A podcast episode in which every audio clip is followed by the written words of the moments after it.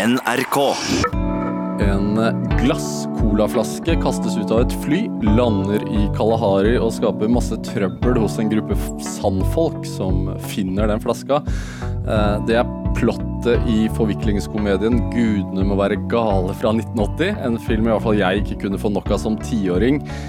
I dag eh, en film som sikkert ikke er eh, noe særlig politisk korrekt. Eh, Men altså ca. 30 år seinere så lander du i Kalahari, Alexandra Ørbekk Nilsen. Og du har bodd der i ti år. Velkommen hit.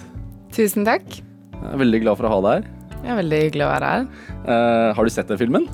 Om jeg har sett den filmen? Jeg har sett den filmen 100 ganger, og må ofte også vise den filmen mange ganger i landsbyene som eh, jeg eh, jobber i. Eh, For det er jo sandfolket i den filmen som mange av de som var barn da, er voksne i dag, og syns det er veldig gøy å se seg selv på TV. Fordi jeg er med i filmen. Ja, ja.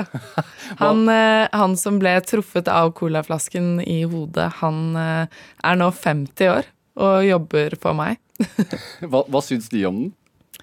De syns eh, den er utrolig morsom, eh, men eh, syns det er mest eh, eh, artig å se seg selv. Eh, for de har jo ikke noe forhold til hvordan de selv ser ut. ikke sant? De har ikke noe speil eller, eller noe sånt, så det er den første gang de egentlig har fått sett hvordan de så ut.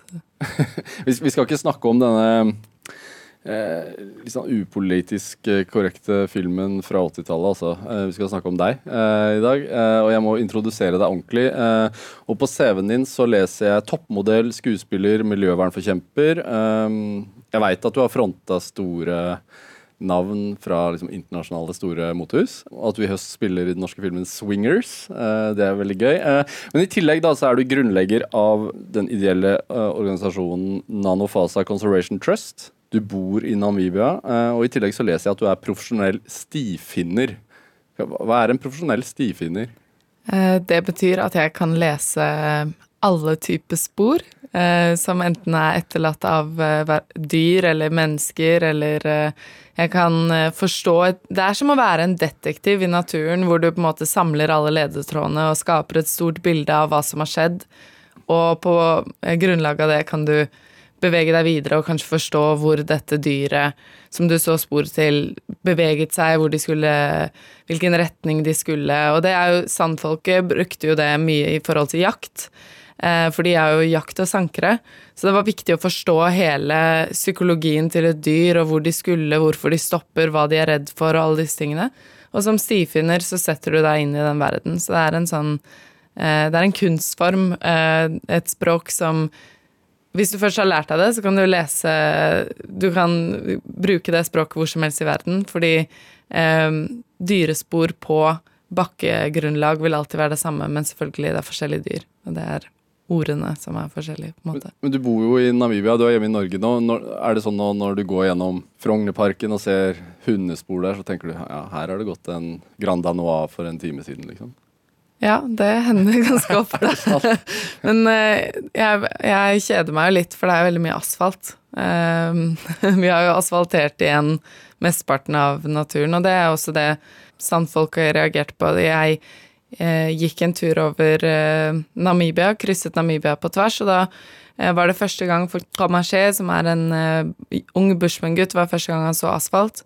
Og han kunne ikke forstå hvorfor han ikke kunne etterlatt seg noen spor, og hvordan skulle noen andre finne han hvis han gikk seg bort.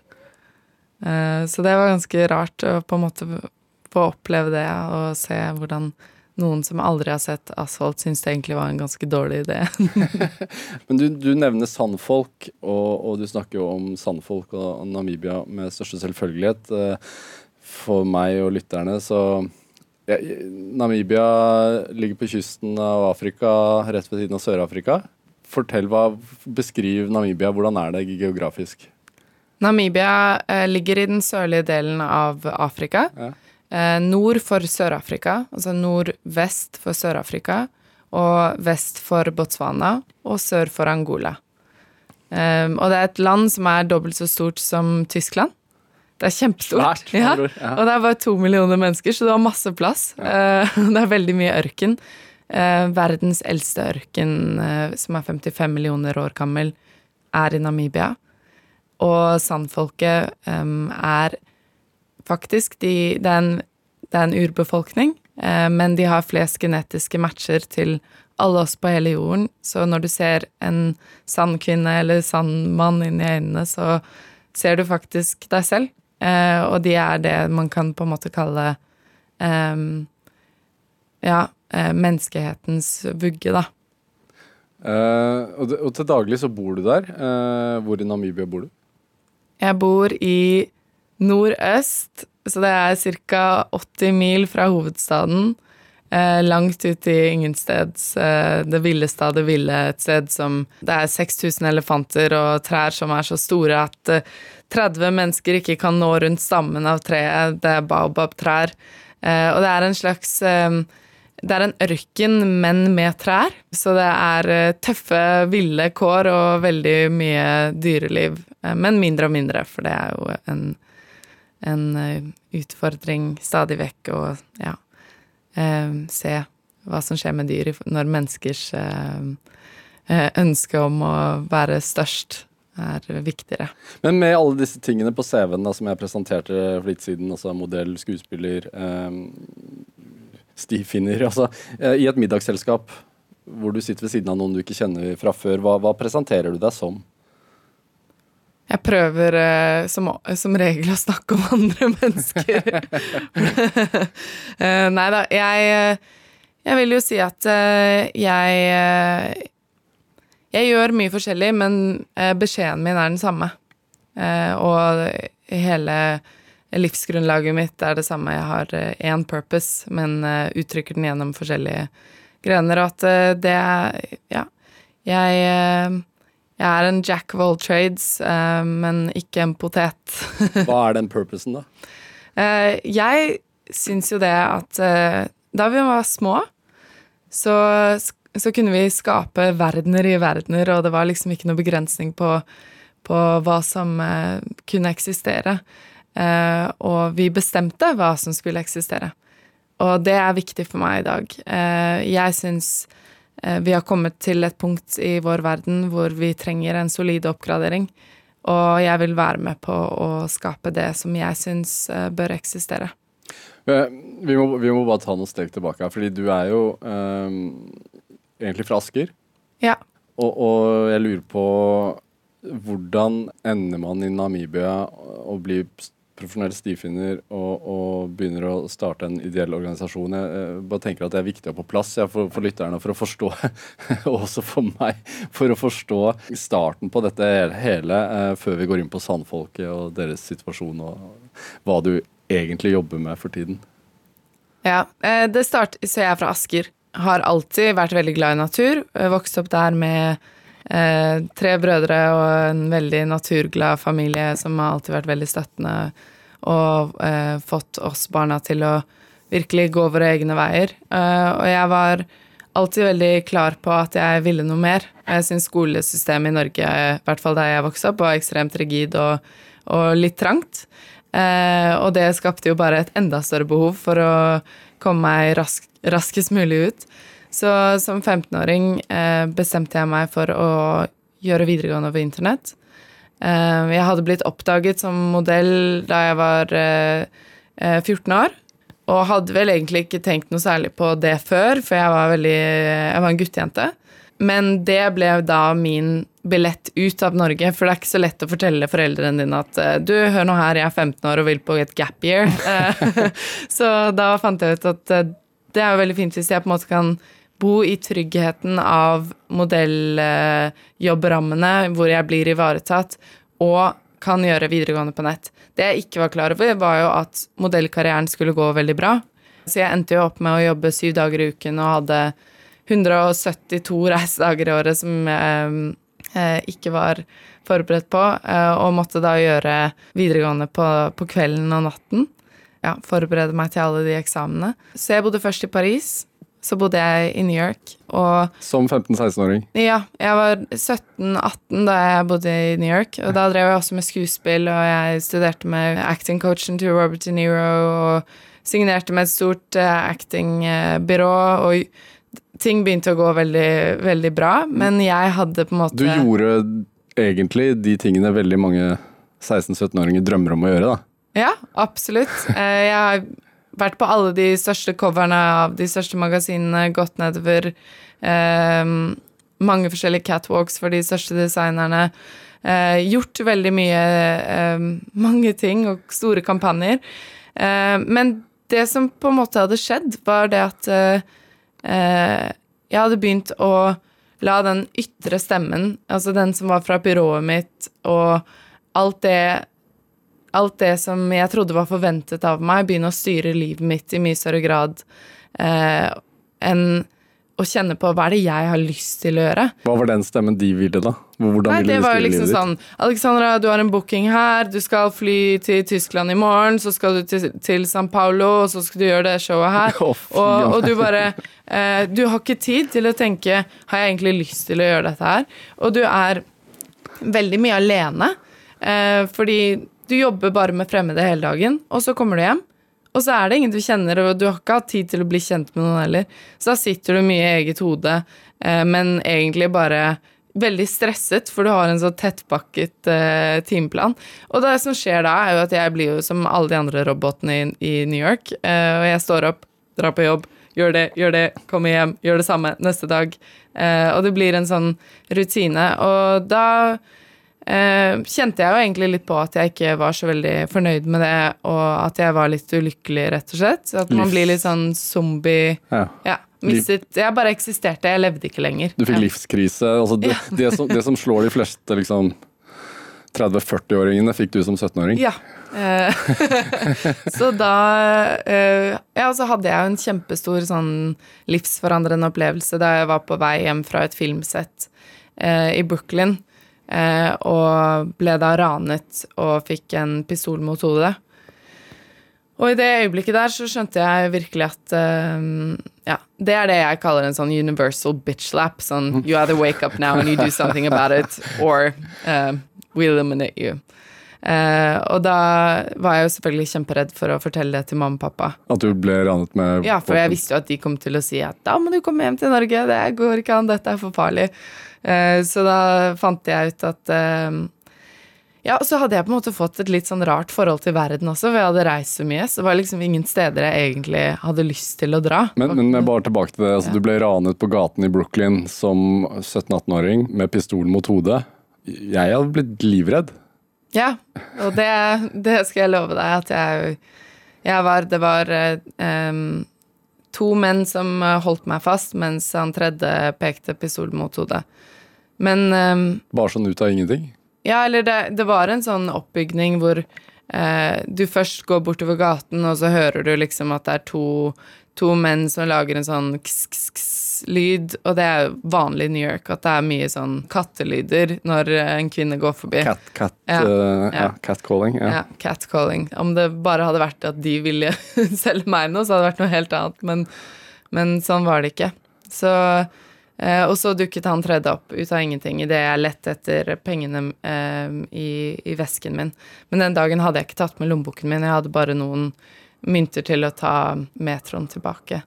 Og det var da jeg kjente um, en veldig sånn kald, uh, hard gjenstand presse mot pannen min, og når jeg så opp, så så stirret jeg rett inn i en veldig Egentlig en mann ute av kontroll. Men det som var så rart, var at i det øyeblikket hvor han, som i utgangspunktet var ute av kontroll, holdt den pistolen mot hodet mitt, så var det han som tok kontrollen. Ja. Og det var jeg som mistet den. Og det var en veldig sånn eh, rar følelse. Um, men jeg må også si at uh, det er så mye som i den tiden jeg jobbet som modell og reiste verden rundt Det var, det var mye skummelt jeg opplevde. Uh, så, så det var ikke en sånn Hvis det er første gang du opplever at uh, mennesker kan være ganske syke og uforutsigbare, så, så er det noe helt annet. Men jeg hadde jo tross alt bodd i Paris i to år og blitt forfulgt på metro nesten hver dag. Så det er eh, du, Det blir litt sånn som det er i naturen, da. At du, du, lærer, du blir mer og mer overlevelsesdyktig etter hvert som Men den der, det tok meg virkelig på senga. Uh, og eh, det tok mange år å komme over den, uh, den traumen der, og eh, virkelig liksom kjenne at det er trygt å gå på egen hånd. Du hører Drivkraft i NRK P2. Altså, uh, Alexandra Ørbekk Nilsen, du, du prater jo nå om modellkarrieren din, som, som, begynte veldig tidlig. Og den fikk deg jo til Namibia, og, og, og du driver en ideell virksomhet der som heter Nanofasa Conservation Trust. Men, men, du sier at du opplevde mye skummelt hver dag. Uh, hva var det og det, den situasjonen med den pistolen i Brooklyn, var det det som gjorde at du tenkte sånn Ok, dette gidder jeg ikke mer. Uh, jeg må bort herfra, jeg må slutte med dette her? Ja. For meg var det en sånn veldig klar eh, En veldig klar tekst på at nå eh, må du gjøre noe med livet ditt, og nå må du komme deg litt tilbake til den du en gang var før alt dette her. Hvem var det, da? nei, altså jeg var jo veldig sånn eh, Jeg var jo en liten Pocahontas, holdt jeg på å si, som lekte i skogen og, eh, og ja, egentlig veldig selvstendig og og hadde masse meninger og ideer og tanker, og plutselig hadde jeg blitt litt sånn eh, Blitt litt tom. Og Men jeg, jeg, var jo ikke klar over og visste jo ikke hvor jeg skulle ta veien hen, så da jeg kom tilbake til leiligheten min, så, så var det Har jeg en globus som alltid har vært med meg overalt, og den stirret på meg, og eh, jeg følte at ja, kanskje jeg bare skal rett og slett ta og spinne den globusen og se Uh, se hvor fingeren min lander. Men jeg hadde regler, da. Sånn at um, uh, hvis fingeren min landet i havet, ja. så måtte jeg reise jorden rundt. Okay. Og hvis det landet uh, i Norge, så kunne jeg kanskje få lov å spinne en gang til. og um, hvis det landet på et land, så skulle jeg dit uansett. Så da landet fingeren min faktisk på Namibia. Og jeg kunne ikke veldig mye om Namibia, jeg hadde vært i Afrika før, men visste litt mer enn Donald Trump, som tror det heter Nambia. Um, så det hadde jeg i hvert fall fått med meg. Og bestemte meg da for å ringe min bestekompis kompis i Norge og spørre om han ville bli med meg, og to uker etterpå satt jeg på fly til Namibia. Fra New York da, eller fra Ja, fra New York. Ja. Herregud, hvordan eh, var den samtalen til mor? Uh, jeg tror hun egentlig var veldig lettet. jeg skulle jo dra og besøke noen andre, andre rovdyr. så jeg hadde ikke lyst til å reise som turist, eh, og bestemte meg for at jeg hadde lyst til å jobbe som frivillig eh, med dyr. Ja. Og det var jo den Pocahontasen som da trodde, eh, som ja, trådde til og fikk meg til å velge det. Og skulle bare egentlig være borte to uker, da. Men mamma og pappa, jeg tror de var veldig Ja, de har alltid Vi har alltid hatt en veldig sånn åpen relasjon og mm. alltid fulgt meg i alt. Så selv om jeg ikke fortalte akkurat det om den eh, pistolepisoden, så, så, visste de, og fulgte også det at jeg ikke hadde det bra, og at det kanskje var på tide at jeg trengte å ta en liten pause. Var det også et ønske om å komme bort fra et levesett og, og noen verdier som du ikke identifiserte deg med, eller? Ja, men i utgangspunktet til å begynne med så hadde jeg ikke, var jeg ikke modigere enn å bare si at det var liten, et lite pust i bakken. En ferie, liksom? Ja. ja. Fast forward, du har bodd i Namibia i ti år, har startet opp Nanofasa Conservation Trust eh, og bor i Namibia. Og, og, vi skal prate om sandfolket. Eh, fortell meg, hvem er sandfolket? Sandfolket er uh, en av verdens eldste urkulturer. Og de lever i jakt- og samlingssamfunn, eller i hvert fall har fått lov å gjøre det opp til nå. De eh, bodde egentlig overalt, nomadisk i hele, hele sørlige del av Afrika. Og har flest genetiske matcher til alle oss på denne jord. Eh, min eh, sandbror Ui var i Washington og var med på et sånt genetic study hvor det da viste seg at han hadde mye flere matcher til alle på hele jorden enn noen av de andre urbefolkningene. Men, men hva heter han, sa du? Oi. Er det, det er klikkspråk, er det ja. det heter? Ja, snakker du klikkspråk? Ja, jeg kan, eh, jeg kan, snakke klikkspråk eh, ganske bra. Eh, jeg lærer hele tiden, fordi det er jo veldig sånn kontekstbasert. Ja. Så det er ikke sånn at du kan dra hjem og øve eller høre på Resetta Stone på eller sånn. Det er ikke noe app for det. Så det blir mye sånn at du venter på at det samtaleemnet dukker opp igjen, så du kan øve deg på de ordene. Hvordan begynner man? Altså, Hvis man skal lære seg norsk, så begynner man jo ofte med hei og ka ja. kaffe og kan du fortelle meg veien? Altså, Hvor begynner klikkspråklæringen? Eh, klikkspråklæringen eh, er også på hei, hvordan går det? Hvordan sier man hei, og hvordan går det? Du sier for eksempel eh, Aisi, arukache, kamja, yo, kanobani. Oi! Ja. Og så lærer du deg mye sånn jeg er sulten, jeg er tørst og alle dyregreiene, for du lever jo i et litt farligere miljø enn Du må i hvert fall vite liksom sånn Hvis noen sier stopp, løp, dukk. dukk. Men tilbake til sandfolket. Altså, mm, Namibia består av øh, vanlige namibiere og sandfolket. Er det, sånn, er, det, er det sånn nordmenn og samer, eller stiller jeg dumme spørsmål her, altså, men Nei, du stiller ikke et dumt spørsmål, for det er vel sånn eh, de aller fleste land ønsker at eh, vi skal se det. Så eh, i Namibia er det nesten 17 forskjellige stammer. Sandfolket var der først, og det var mange eh, stammer som kom nordfra, nedover mot sør. Um, som da kalles den bantu-tiden. Og det var ofte de som var nomadiske eh, cattle herders. Um, og, og de er jo de som på en måte leder landet nå. Uh, men Namibia fikk jo bare independence i uh, 1991. Og før det lå det jo under både Sør-Afrika og Tyskland. Uh, så det er et ganske ungt land. Men eh, sandfolket var var der først. Eh, men de har nå minst eh, rett og rådighet over landet. Og hva er det du jobber med? Altså, hvorfor bryr du deg om, om sandfolk? Det startet jo med at jeg jobbet med ville dyr. Jeg jobbet med løver og leoparder og alle disse tingene. Og i prosessen av å lete etter områder hvor jeg kunne reintrodusere geparder, eh, så traff jeg sandfolket. Jeg lette etter den delen av kartet som hadde minst veier, og kjørte opp dit. Og da traff jeg sandfolket, og jeg var jo som alle andre idioter som reiser til uh, mange land i Afrika, som er sånn tenker at uh, du skal komme dit for å redde og hjelpe, og at min rolle er så utrolig viktig oppi dette her. Men da jeg traff sandfolket, så reddet de meg virkelig ut av min sånn fattigdom av persepsjoner, og fikk øynene mine opp for hvor mye jeg har å lære i forhold til uh, at natur er ikke bare en sånn død ting som bare omgir oss, men vi er av natur. Og planter eh, kommuniserer. Trær har navn, og de har mange forskjellige bruk.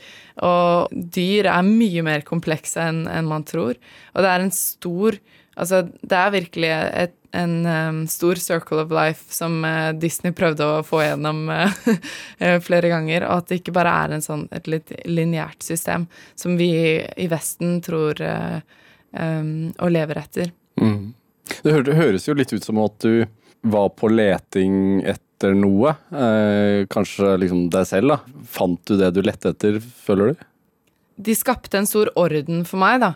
Eh, fordi det er veldig vanskelig, tror jeg, som individer i denne verden i dag, å på en måte forstå hvorfor du er her, og hva du skal, og det er så mange spørsmål i, i hodet hele tiden. Og det som skjedde med meg når jeg kom ut dit, var at jeg, jeg plutselig bare jeg gledet meg til å stå opp hver dag, og jeg bare kjente jeg kjente det gjennom de type følelsene. Det handlet ikke så mye om ambisjonene og målsetningene sånn akkurat i begynnelsen. For da var det bare noe med at jeg, jeg bare følte at jeg hadde landet, at jeg hadde funnet et, et sted og en tilhørighet til noe som var mye større enn meg selv. Og, og det ble vekket av en gammel eh, eh, sandkvinne som eh, så på meg og sa liksom Nisa, som er mitt eh, sandnavn. eh, hvis du kan se det treet der, eh, så er det deg. Det er en forlengelse av deg selv.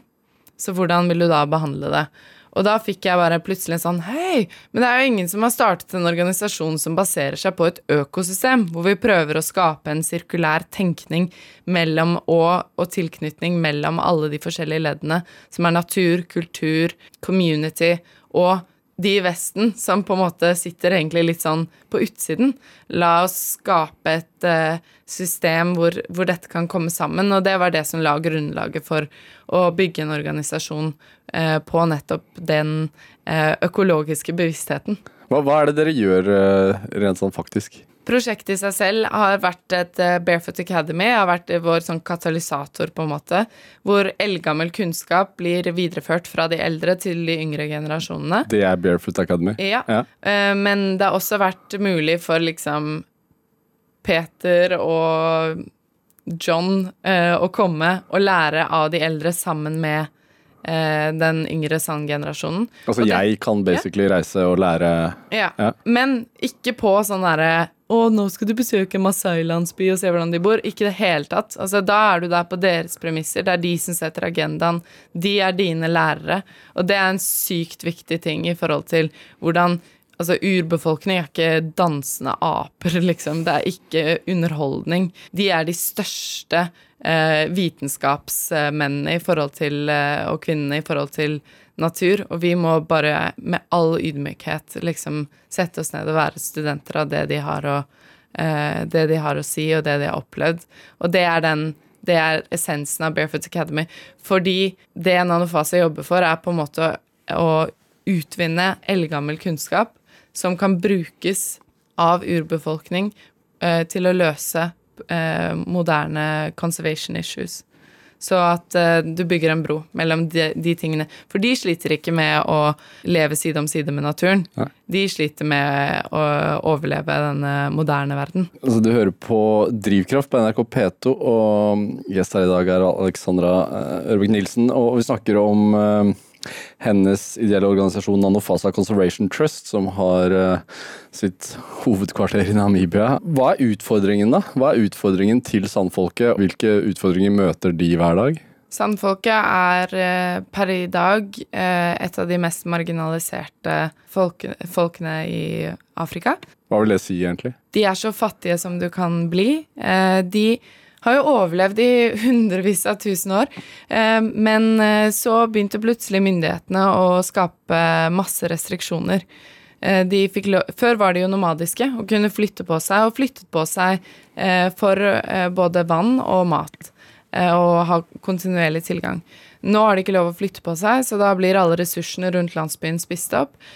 Dyrene som de jaktet på, trekker seg lenger og lenger unna. De må gå lenger for å eh, få tak i mat. Eh, men så har det også blitt jaktrestriksjoner, fordi det er noen eh, rike eh, feite idioter som har lyst til å reise til Afrika og skyte dyr, så de kan ta et bilde med dødt dyr og sende det tilbake til familien sin. Og de skyter nå De betaler nå for å skyte de dyrene som sandfolk fikk lov å jakte på før. Så det som skjer, er jo at eh, de ender jo opp i en kjempeunderernært situasjon. Ja. Og blir mer og mer avhengig av penger for å prøve å skaffe seg litt mat, eller litt sukker. Sukker er kanskje det nærmeste de kommer mat for de aller fleste. Når de da er så underernærte, og så, så er de jo da kjempesårbare i forhold til andre sykdommer.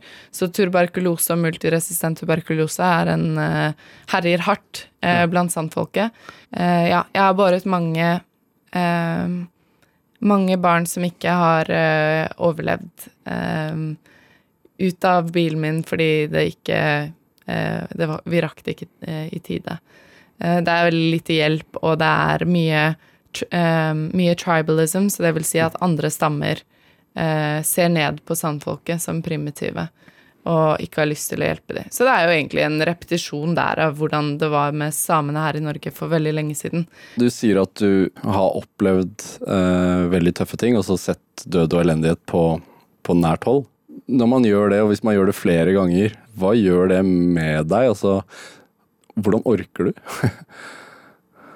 Um, ja, det er et veldig godt spørsmål. Og det er veldig ofte at jeg lurer på om jeg orker. Ja. Men uh, det er allikevel bare et eller annet som, som brenner og bobler på innsiden, som bare jeg, jeg kan ikke gi slipp, fordi det er bare ikke greit, da. Det er ikke greit. Og, og for meg så er liksom sånn et stort folkemord kan skje på to måter. Du kan enten aktivt drepe folk, eller å se på at de dør. Hvis jeg står og ser på at noe skjer, så er det ikke noen forskjell på meg og de myndighetene som helst ønsker at de ikke overlever de, neste 10-20-30 årene. Hva er det dere har fått til, da? Vi har fått til å skape masse kulturstolthet, Ja. som er sykt viktig, fordi all forandring starter hos individet. Jeg har jo feilet masse gjennom eh, denne organisasjonen, fordi jeg, jeg har jo bare måttet prøve ting og, og sjekke med de om de syns det er greit, og, og vi har jo bygget masse ideer sammen.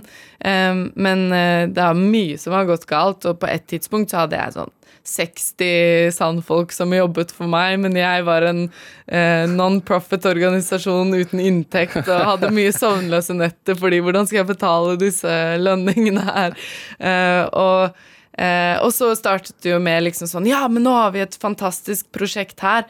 Og så bare Å ja, det funket kjempebra de tre første dagene. Men så er det jo De lever jo i delesamfunn, så hvis eh, hvis det er en gruppe som har tjent litt penger og fått seg mat, så må de jo allikevel dele med 150 andre mennesker. Så da går det jo tomt. Og så kunne de plutselig da ikke møte opp på jobb fordi eh, de er sultne.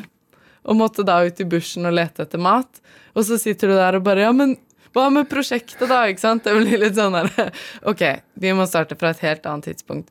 Eh, eh, perspektiv. Og la Det handler først om å styrke individene og få de til å Altså, Sandfolket har overlevd i hundrevis av tusen år. Det er ikke jeg som trenger å fortelle de at de skal overleve.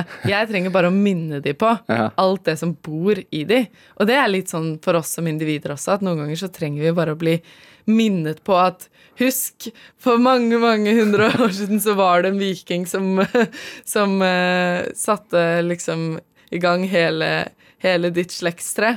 Og at du har mye mer Altså, når vi møter motstand, så er det noe med å lære det å se ting som på veien, og ikke i veien. Og ikke være en sånn offer for eh, fortiden og en eh, fange av fremtiden. Men virkelig bare liksom kjenne på alle ressursene som bor i deg. Og da trenger du å være stolt av den du er, hvor du kommer fra, og du trenger å ha en tilknytning til et kollektiv. Vi kan ikke greie alt alene. Og når de tingene der faller på plass, da er det mye lettere å skape en forandring. Ja. Eh, Namibia, du, som du nevnte tidligere, er, er et enormt land. Eh, dobbelt så stort som Tyskland, eh, men med litt over to millioner innbyggere. Eh, det må være enorme arealer. Jeg bare lurer på sånn Jeg har liksom vanskelig for å forestille meg hvordan det er å bo der. Hvordan, hvordan bor du? Um, jeg har i hovedstaden så har jeg hatt eh, et hus som jeg har leid hvor jeg har hatt ting. Der jeg bor eh, mesteparten av tiden, er jo i bushen. Og da bor jeg enten i en gresshytte, eller så bor jeg Bare sover jeg under åpen himmel. Eh, eller så har jeg telt når det er regntid. Fordi da kan det regne liksom sånn bøtter i løpet av en natt, så er det ikke vits å ligge, ligge ute og svømme med skorpionene. Men i all verden, altså du bor, sover under åpen himmel i bushen i Namibia. Det er antageligvis langt til moderne medisin, eller i hvert fall sånne sykehus og sånn. Um, hvordan tør du det? ja, de Sandfolket er jo eh, De vet jo alt om planter. Eh, og mye av vår medisin eh, og medisinkunnskap kommer jo fra deres eh, kunnskap om planter. Og så har vi skapt eh, den eh, kjemiske fremstillingen i laboratorier. Så ofte er det ganske trygt å være rundt de gamle, gamle healerne, for de vet hva de driver med. Men, eh, men det er klart at du, du du tar et par forhåndsregler og ser deg godt om eh, hvor du tråkker og eh, Veldig bra å være stifinner, så du kan faktisk lese sporene til en slange før du faktisk må se den. så du kan velge å gå andre vei. Eh, men jeg har jo opplevd eh, eh, ganske alvorlig en gang hvor jeg hadde drevet meg selv veldig hardt i prosjektet, hvor det hadde blitt veldig sånn ambisjonsdrevet. Og jeg hadde masse filmcruise og ting som jeg skulle hoste. Og, Ja, for du lager dokumentarer der nede Ja. og ja. Og da hadde jeg vært ganske syk over lang tid, men bare, ja, som man er noen ganger, at man lar helsen gå litt i, eh, i siste rekke og ambisjonene i første. Er det, sier det noe om deg? At du Ja, jeg, jeg gjorde mye av det, i hvert fall de første ti, ja, de første ti årene. Det var jo alle de ti årene. Eh, for det var jo bare meg, så det var ingen andre som kunne ta over jobben min. Nei. Så, så da ble jeg liksom gjorde meg selv veldig viktig, ikke sant. Og da lot jeg det gå så langt at jeg hadde både amøber og parasitter som gikk til angrep på galleblæren min, og jeg endte opp med en alvorlig blodforgiftning.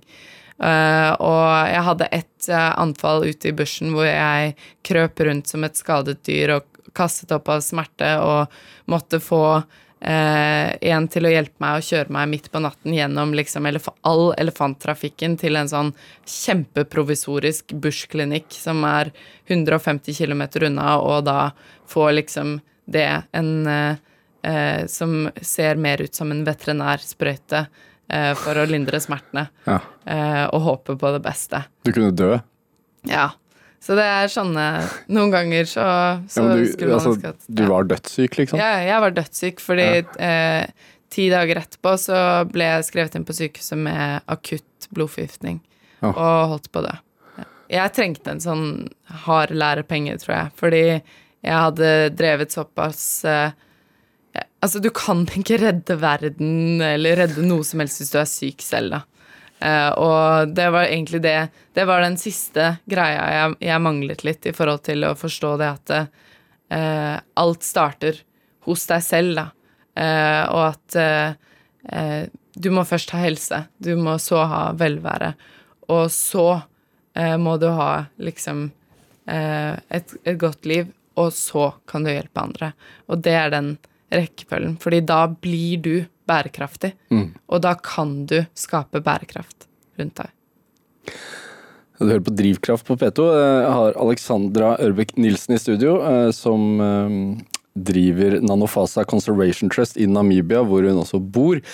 En del av prosjektet ditt er også å gi oppmerksomhet til sandfolket, altså ut til resten av verden. Ja. Ja. Eh, fordi det jeg absolutt innså eh, etter å ha jobbet lenge med urbefolkning lokalt, Ja. Er at herregud, jeg, det har jo ikke noe å si eh, omtrent hva jeg gjør og får til her. Fordi den for resten av verden har en sånn herre eh, det er der den største sulten sitter, og det er en sånn sult som ikke noen bistandsorganisasjon gjør noen, eh, noe med. Og det er, det er det at vi liksom har separert oss selv Ja. fra naturen. Vi står på utsiden og peker inn og flytter på ting som det selv passer oss. Og, og vi, i hvert fall nå i dag, vi har så mye krisesituasjoner i forhold til klima, i forhold til natur, i forhold til ressursbruk, alle disse tingene her. Og, men vi har et bitte, bitte lite perspektiv på hva som er liksom umiddelbart viktig, for vi driver med masse brannslukking og elsker å ha umiddelbar til, eh, tilfredsstillelse. Og det funker ikke hvis du skal skape noe på lang sikt. Så derfor har vi virkelig stor nytte av å bygge en bro til urbefolkning og åpne den kommunikasjonskanalen og lære litt om hvordan de faktisk har greid å overleve så lenge på denne jorden som vi på så kort eh, tid har greid å eh, gjøre til et veldig problematisk sted. Ja, altså Du mener at vi, eh, vi er ganske sneversynte? Altså jeg bare tenker på sånn eh, veldig aktuelt den, den høsten her, altså er jo alle brannene i Amazonas. Og er det litt sånn typisk at man begynner å fokusere på, ganske, øh, fokusere på det ganske seint, men også at man liksom fokuserer på at verdens lunger eh, brenner, men så glemmer man litt at det faktisk er hjemmet til noen folk, og at de også har det ganske ille? Ja.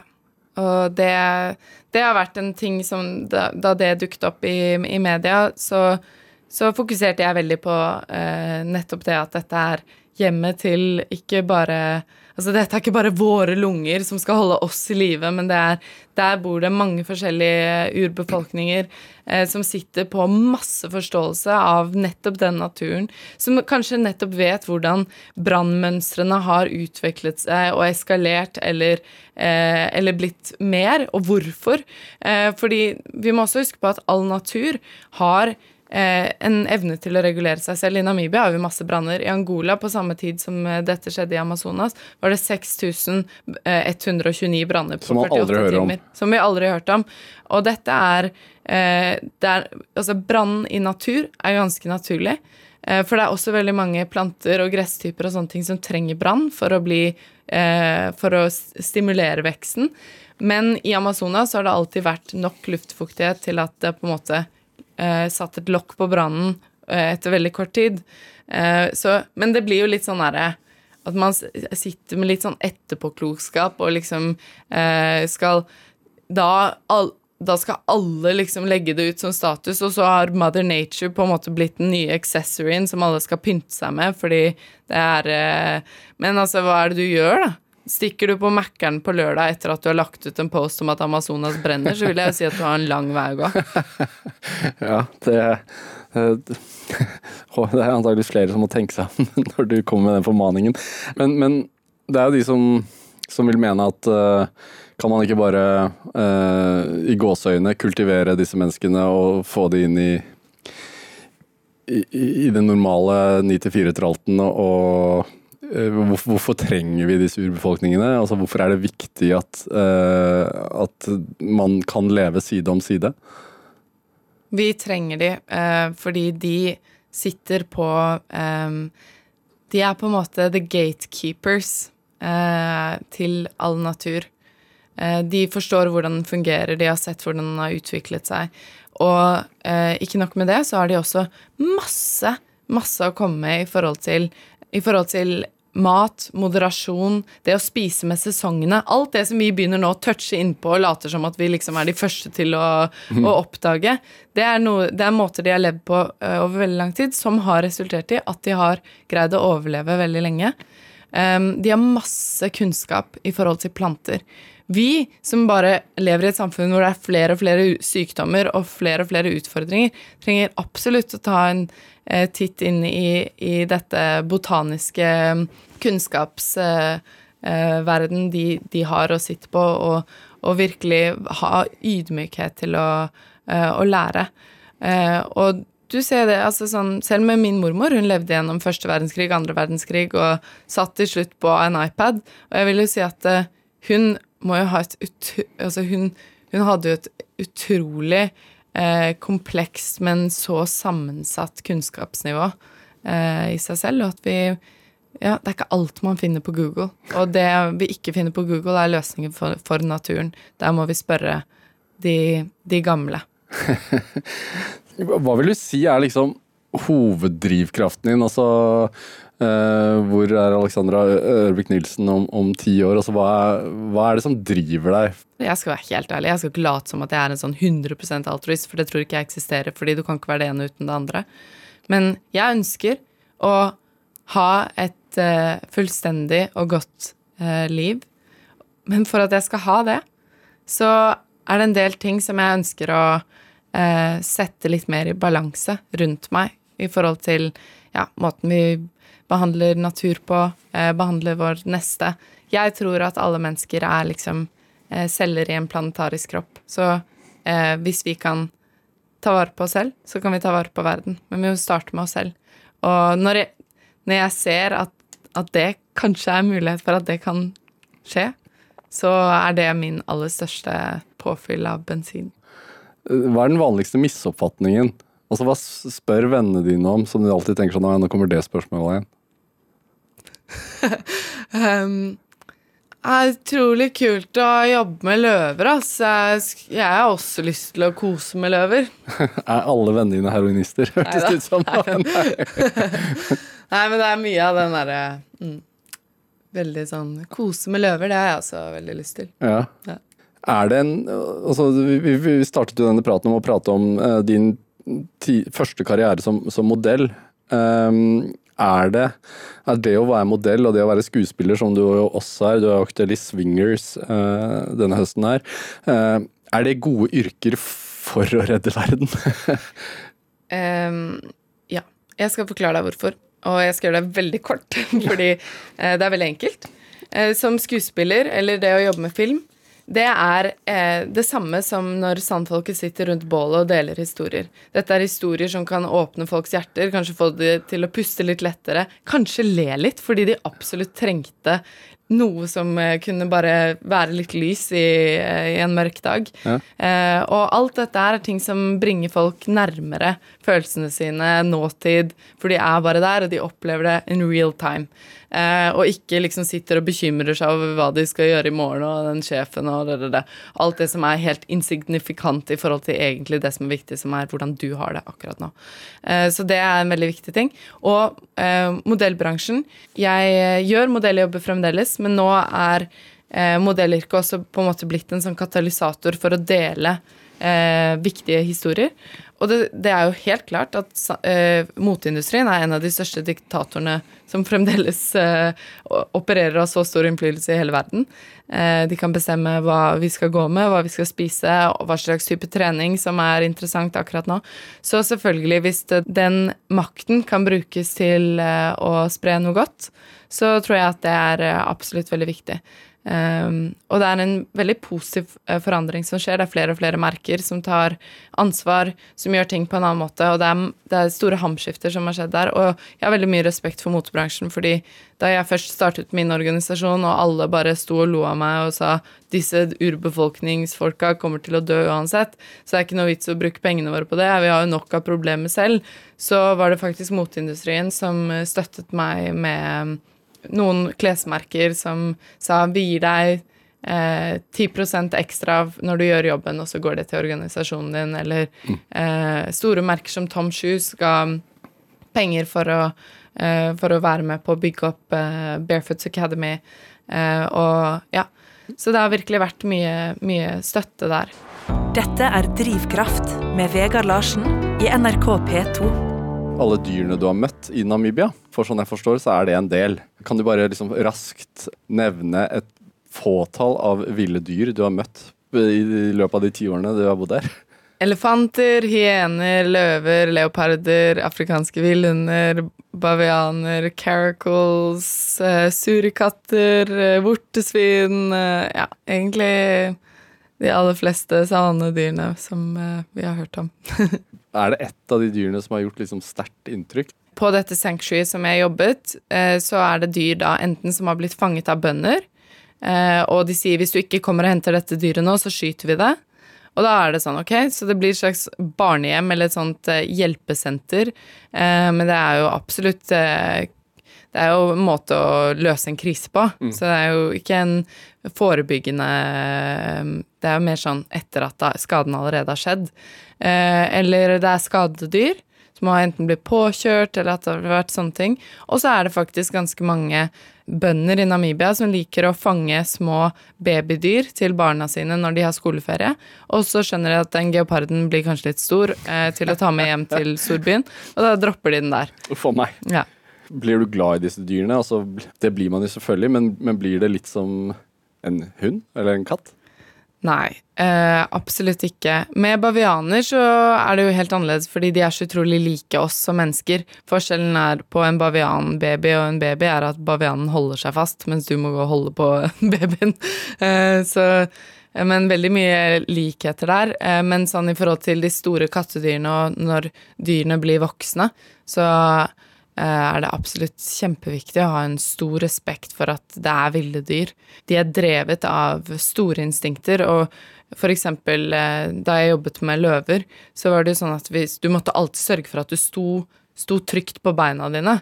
Eh, for hvis de greide å liksom dulte borti deg, og du falt over ende Når du ligger på bakken, så kan det trigge masse eh, instinkter. instinkter. som gjør at de da liksom kanskje begynner å leke med deg, på en måte, eller rett og slett eh, angriper deg. Så man må alltid være veldig sånn ovenpå og ha en utrolig sånn eh, tilstedeværelse og eh, være veldig sterk eh, i deg selv. Og det er jo interessant, for hvis du f.eks. ser en leopard i øynene, du, i, en vill en, da. Eh, i, du møter en vill leopard i naturen, og du stirrer den rett inn i øynene, så dreper den deg. Hvis du treffer en vill løve i naturen, og du ikke ser den i øynene, så angriper den. Oi.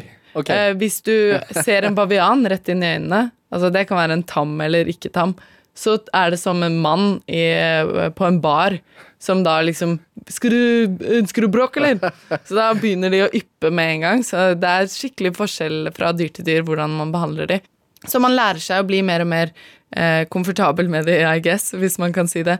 Men det jeg skjønte da jeg begynte å jobbe med dyr, var jo at eh, de lærte jo meg mye mer om meg selv enn det jeg kunne egentlig gjøre for de. Ja. Eh, for de vekter jo både Du kan ikke være noen andre enn deg selv når du er sammen med et dyr. Eh, du kan ikke late som at du ikke er redd. De lukter det, de ser det, de skjønner det. Eh, så du må virkelig bare du må fjerne en del sånn inautentiske lag, da, Men- og men- bare bli ekte. Jeg ser jo på, på um, YouTube-kanalen din, og jeg veit at du vanligvis går rundt med en sånn løveklo. Det er, for det, det er én en spesiell løve som har liksom smeltet hjertet ditt, hvis jeg forstår det rett, eller? Ja. Eh, det var en, eh, en gammel eh, hund, ja, en løvinne, som eh, Hun hadde blitt skadet av en hannløve eh, i en slåsskamp. Og han hadde skadet ryggraden hennes, og hun ble da tatt inn til dette eh, dette omsorgssenteret og gikk gjennom en operasjon, og alle sa at hun aldri kom til å gå igjen, eh, for da hun hadde fått en lammelse i bakbena. Og hun eh, var en sånn kjempegæren løve som absolutt alle var redd for. Og en dag så gikk jeg forbi der hvor hun lå i sånn eh, i et sånt område hvor hun skulle rehabiliteres. Eh, Men de hadde egentlig bestemt seg for at de ikke skulle gjøre det, fordi det kom ikke til å gå uansett. Og da plutselig lagde hun en sånn lyd som løver lager når de er små, og det er en sånn eh, Kan jeg høre den lyden en gang til? Og um, da bare ble jeg dratt mot henne og bare følte at ja, kanskje det er jeg som skal få deg til å gå igjen. Eh, og Du følte at hun pratet til deg? Ja, ja, det var sånn Hun gned hodet liksom mot og Så jeg gikk eh, bort til sjefen av gården og sa jeg skal få Elsa til å gå igjen. Og følte vel egentlig at jeg var kanskje like sånn like skadet som henne, på en måte, eh, og at jeg også trengte å gå gjennom den, eh, den reisen der. Og og det tok jo lang tid, da, fordi det er ikke så lett å bli venn med en løvinne. Så jeg måtte sitte utenfor området i en uke og bare kopiere, og hun begynte å flytte seg nærmere meg. Og så begynte jeg å gå inn, og da var det jo sånn at eh, hun liksom først var liksom sånn Liksom ikke veldig glad for at jeg var der. Uh, og så satt jeg bare og kopierte alt det hun gjorde. Hvis hun blunket, så blunket jeg. Hvis hun åpnet labbene, så åpnet jeg hendene. Um, og så begynte hun å bevege seg nærmere. Så var det en dag hvor det var så varmt, midt på dagen, og jeg hadde sovnet. Våknet av at Elsa har lagt seg rett ved siden av meg. Så jeg ser bare rett inn i øynene på en Du sovnet ved siden av løven, da. Ja, men jeg var jo 40 meter unna først, men så hadde hun beveget på seg. Og da var jeg bare sånn Ok, nå tror jeg vi er klare for å jobbe litt sammen. Ja. Så da bygde jeg bare masse sånn Jeg bygde en stor hinderløype og brukte mat som motivasjon til å få henne til å bevege på seg. Og jeg satte meg oppvaskkost, for hun eh, lot meg jo komme nærmere og nærmere, og til slutt så Men jeg måtte alltid være klar over at eh, eh, hennes poter og hennes klør og hennes tenner er eh, liksom de må alltid, Jeg må alltid ha litt koll på hvor de er. Eh, og bygget sånn La masse tømmerstokker som jeg ledet henne over, sånn at jeg visste at hun ville bli irritert hver gang hun ikke løftet bakbena, fordi da slo hun seg rett ned eh, på knærne. Og etter eh, Ja, jeg sto opp halv fire om morgenen hver eneste dag og jobbet med henne tre timer på morgenen og tre timer på kvelden i de kalde eh, tidspunktene av dagen. Um, og, og etter sånn tre måneder så gikk hun sine første skritt. Og så var det bare flere flere skritt hver dag, og det var mange som trodde at hun fremdeles var lam, så når de kom inn, så ble de jo jaget. det var ganske skummelt uh, for de. Um, men så ble hun plutselig kjempesyk. Eh, slutte å spise og slutte å brøle. Og da bestemte jeg meg for å sove eh, inne i huset. Eh, eller det er ikke et hus, det er jo i et område. Men det var et sånt område hvor jeg hadde lagt liksom høy, da. Hvor Ja. hun kunne få, ha det litt mykt om natten. Så da sov jeg der. Og så neste morgen så begynte alle løvene i området å brøle, men hun brølte ikke. Og så så jeg på henne, og så hadde hun lagt Hun hadde lagt potene sine oppå de bare føttene mine. Og hun hadde sånn hun, Sånn som små katter, de rykker litt til, sånn at du kjenner litt at, at neglene kanskje går litt inn i Sånn kose, huden din. Ja, men det er sånn kosete. Ja. Og så så jeg på Elsa, og så tenkte jeg nå skal jeg få deg til å brøle. Uh, så jeg gjorde det selv, så jeg bare «Uff!» og, og så så hun på meg, og hun bare You suck. og så bare brølte hun bare Og jeg hadde liksom spyttet hennes i ansiktet og alt sånne ting. Og den dagen så spiste hun, og da fikk jeg henne på rett kjøl igjen. Og hun eh, gikk til slutt så bra at hun kunne gå inn i, i bilen og gå ut i det st store området hvor hun da skulle få lov å eh, leve resten av eh, livet sitt. Og hun var like gammel som meg, Huh. så det var rart. Vi hadde bursdag tre dager fra hverandre. Eh, og hun åpnet virkelig eh, ja, mitt eh, løvehjerte. At jeg var ikke en leopard, og jeg var ikke en bavian, men løver er litt sånn et sted imellom. Vi, familie er viktig, og samhold er viktig, men det er også veldig viktig å gå etter det man tror på. Herregud, for en fantastisk historie. Du, klokka nærmer seg tolv. Som alltid rundt disse tider så spør i hvert fall jeg meg eh, hva i alle dager skal jeg spise middag i kveld? Eh, så jeg bare lurte, har du et middagstips? Gjerne fra det namibiske kjøkken eller noe sånt, som er enkelt og greit, og som man kan lage ferdig på 15 minutter mens ungen skriker etter oppmerksomhet. Og så har du et, et godt middagstips? Et godt middagstips eh, som er litt Bush-inspirert, Ja, kanskje.